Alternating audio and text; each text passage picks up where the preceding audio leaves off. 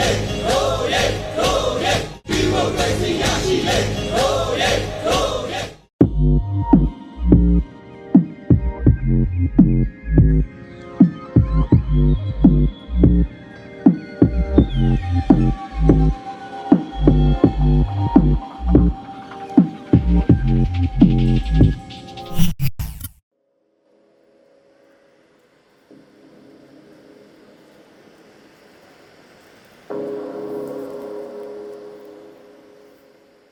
တော်လိုင်းကလာ digital လိထများအစီအစဉ်ကနေအားလုံးကိုပြန်လည်ကြိုဆိုလိုက်ပါတယ်မြန်မာနိုင်ငံသူနိုင်ငံသားတို့ရေမင်္ဂလာပေါင်းနဲ့ပြည့်စုံတဲ့နေ့ရက်တွေကိုအမြန်ဆုံးပြန်လည်ပိုင်ဆိုင်နိုင်ကြပါစေကြောင်းတော်လိုင်းကလာ digital လိထများအစီအစဉ်ကဝိုင်းတော်သားတွေကဆုတောင်းမြတ်တာပို့သလိုက်ပါတယ်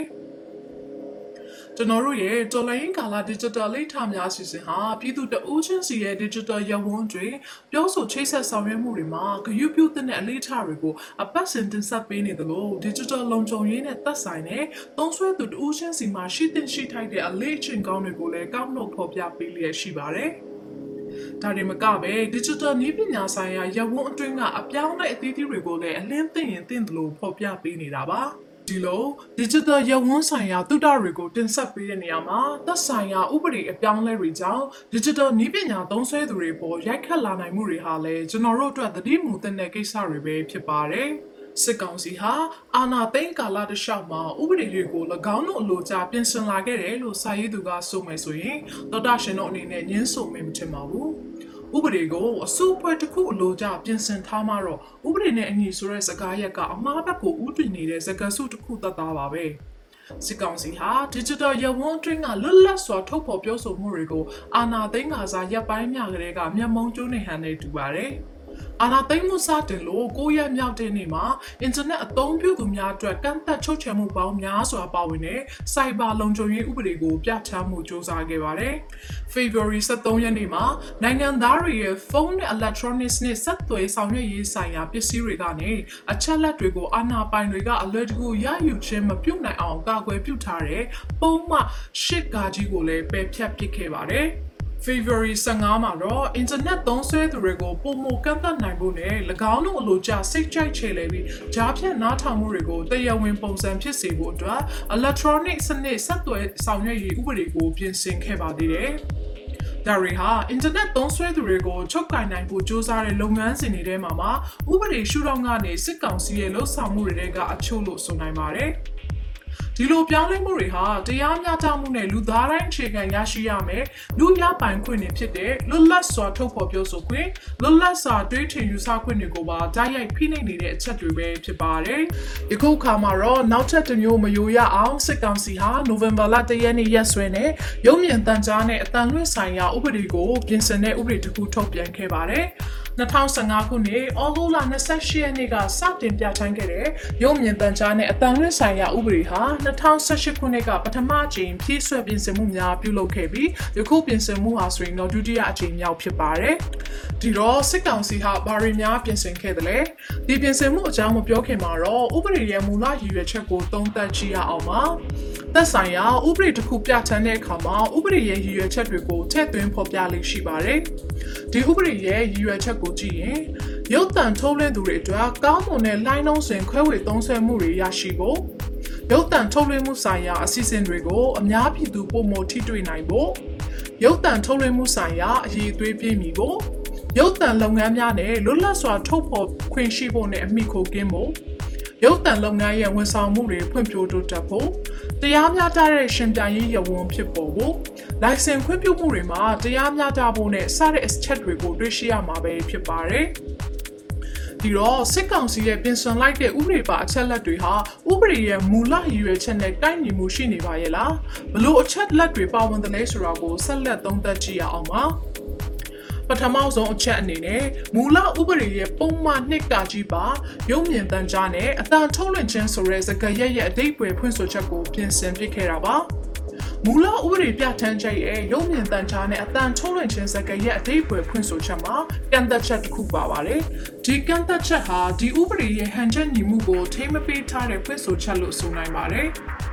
ဘာကြောင့်လဲဆိုရင်ဥပဒေရဲ့ရည်ရွယ်ချက်တွေကိုပြန်လည်ချိန်ထိုးကြည့်မယ်ဆိုရင်အင်တာနက်ပေါ်ကထုတ်လွှင့်မှုတွေဟာလိုင်းလုံးစင်ဆိုင်ရာကိစ္စတွေပေါ်မှာဘာသက်ရောက်မှုမှရှိမနေတဲ့အတွက်ကြောင့်ဒီကန့်သတ်မှုကိုပြဋ္ဌာန်းထည့်သွင်းထားတာဟာဥပဒေရဲ့ရည်ရွယ်ချက်နဲ့အနှစ်သာရပေါ်ဟန်ချက်ညီမှုကိုဖြစ်စေပါတယ်။စစ်ကောင်စီရဲ့ပြင်ဆင်ချက်မှာတော့ဒီဟန်ချက်ညီမှုကိုရိုက်ချိုးပစ်လိုက်ပါတယ်။ ရုံးမြင့်တန်ကြားနဲ့အတန်ထုတ်လွှင့်ခြင်းစကားရက်ဖွင့်ဆိုချက်မှာပါတယ်။ရင်းစကားရက်တွင်အင်တာနက်မှတဆင့်ထုတ်လွှင့်သည့်ရုံးမြင့်တန်ကြားနဲ့အတန်ထုတ်လွှင့်မှုများအကျုံးဝင်ခြင်းမရှိစေရဆိုတဲ့ဖွင့်ဆိုချက်ကိုဖြုတ်ပစ်လိုက်တာပါ။ဒီနည်းအားဖြင့်ဥပဒေရဲ့ပြဋ္ဌာန်းချက်ကိုကဥပဒေရဲ့ရည်ရွယ်ချက်နဲ့ဆန့်ကျင်သွားတယ်လို့ဆိုရမှာပေါ့လေ။ဒုတိယပြင်ဆင်ချက်ကတော့မူလဥပဒေရဲ့ပုံမှန်66မှာပါတဲ့ငွေဒဏ်တွေအပြင်ထောင်ဒဏ်တွေအထိပါတိုးမြင့်ပစ်လိုက်တာပဲဖြစ်ပါတယ်။ ပုံမှန်66ဟာပုံမှန်62ပါတားမြစ်ချက်ကိုအရေးယူနိုင်အောင်ပြဋ္ဌာန်းထားတဲ့ဥပဒေဖြစ်နေတော့ပုံမှန်62ဟာဘလို့တားမြစ်ထားပါသလဲပုံမှန်62ဟာမြည်သူများ license မရှိပဲရုံမြင့်တန်းကြားနဲ့အတန်ထုတ်လွှင့်ခြင်းဝန်ဆောင်မှုလုပ်ငန်းတရရက်ကိုလုပ်ကင်ခြင်းမပြုရန်ပြဋ္ဌာန်းထားတာပဲဖြစ်ပါတယ် ဒီ62ပါအချက်လက်နဲ့ပုံမှန်နှစ်ရဲ့ရုပ်မြင်သံကြားနဲ့အတန်ထုတ်လွှင့်ခြင်းစကားရက်ပြင်ဆင်မှုနှစ်ခုကိုချိန်ထိုးနားလည်ကြည့်ရင်အင်တာနက်ပေါ်မှာလိုင်စင်ရယူခြင်းမရှိဘဲထုတ်လွှင့်မှုတွေဟာဒီဥပဒေအရထောင်ဒဏ်ကျခံရနိုင်တဲ့အထိအရေးယူမှုတွေကိုဖြစ်ပေါ်လာစေနိုင်ပါတယ်။ထဲသွင်းလိုက်တဲ့ထောင်ဒဏ်ကလည်း3နှစ်ကနေ9နှစ်ကြီးများတော့မှာ ဒီနေရာမှာဝီရောတိဖြစ်စရာကိစ္စရဲ့တစ်ခုကတော့တူးချင်းအင်တာနက်ပေါ်ကနေထုတ်လွှင့်မှုတွေဟာအကျုံးဝင်ခြင်းရှိမရှိဆိုတဲ့ကိစ္စရပ်တွေပဲဖြစ်ပါတယ်။ပုံမှန်60နှစ်အလိုရတော့ဝန်ဆောင်မှုလုပ်ငန်းလို့ထည့်သွင်းဖော်ပြထားတဲ့အတွက်ဥပဒေပါပြဋ္ဌာန်းချက်များရဲ့စကလုံးတစ်လုံးချင်းသက်ဝင်မှုရှုထောင့်ကနေဆင်ခြင်ကြည့်မယ်ဆိုရင်တော့တူးချင်းအင်တာနက်သုံးစွဲသူတွေဟာဒီပြဋ္ဌာန်းချက်နဲ့တော့ဓာတ်ရိုက်သက်ရောက်မှုမရှိတဲ့သဘောမျိုးလို့နားလည်ထားလို့ရပါတယ်။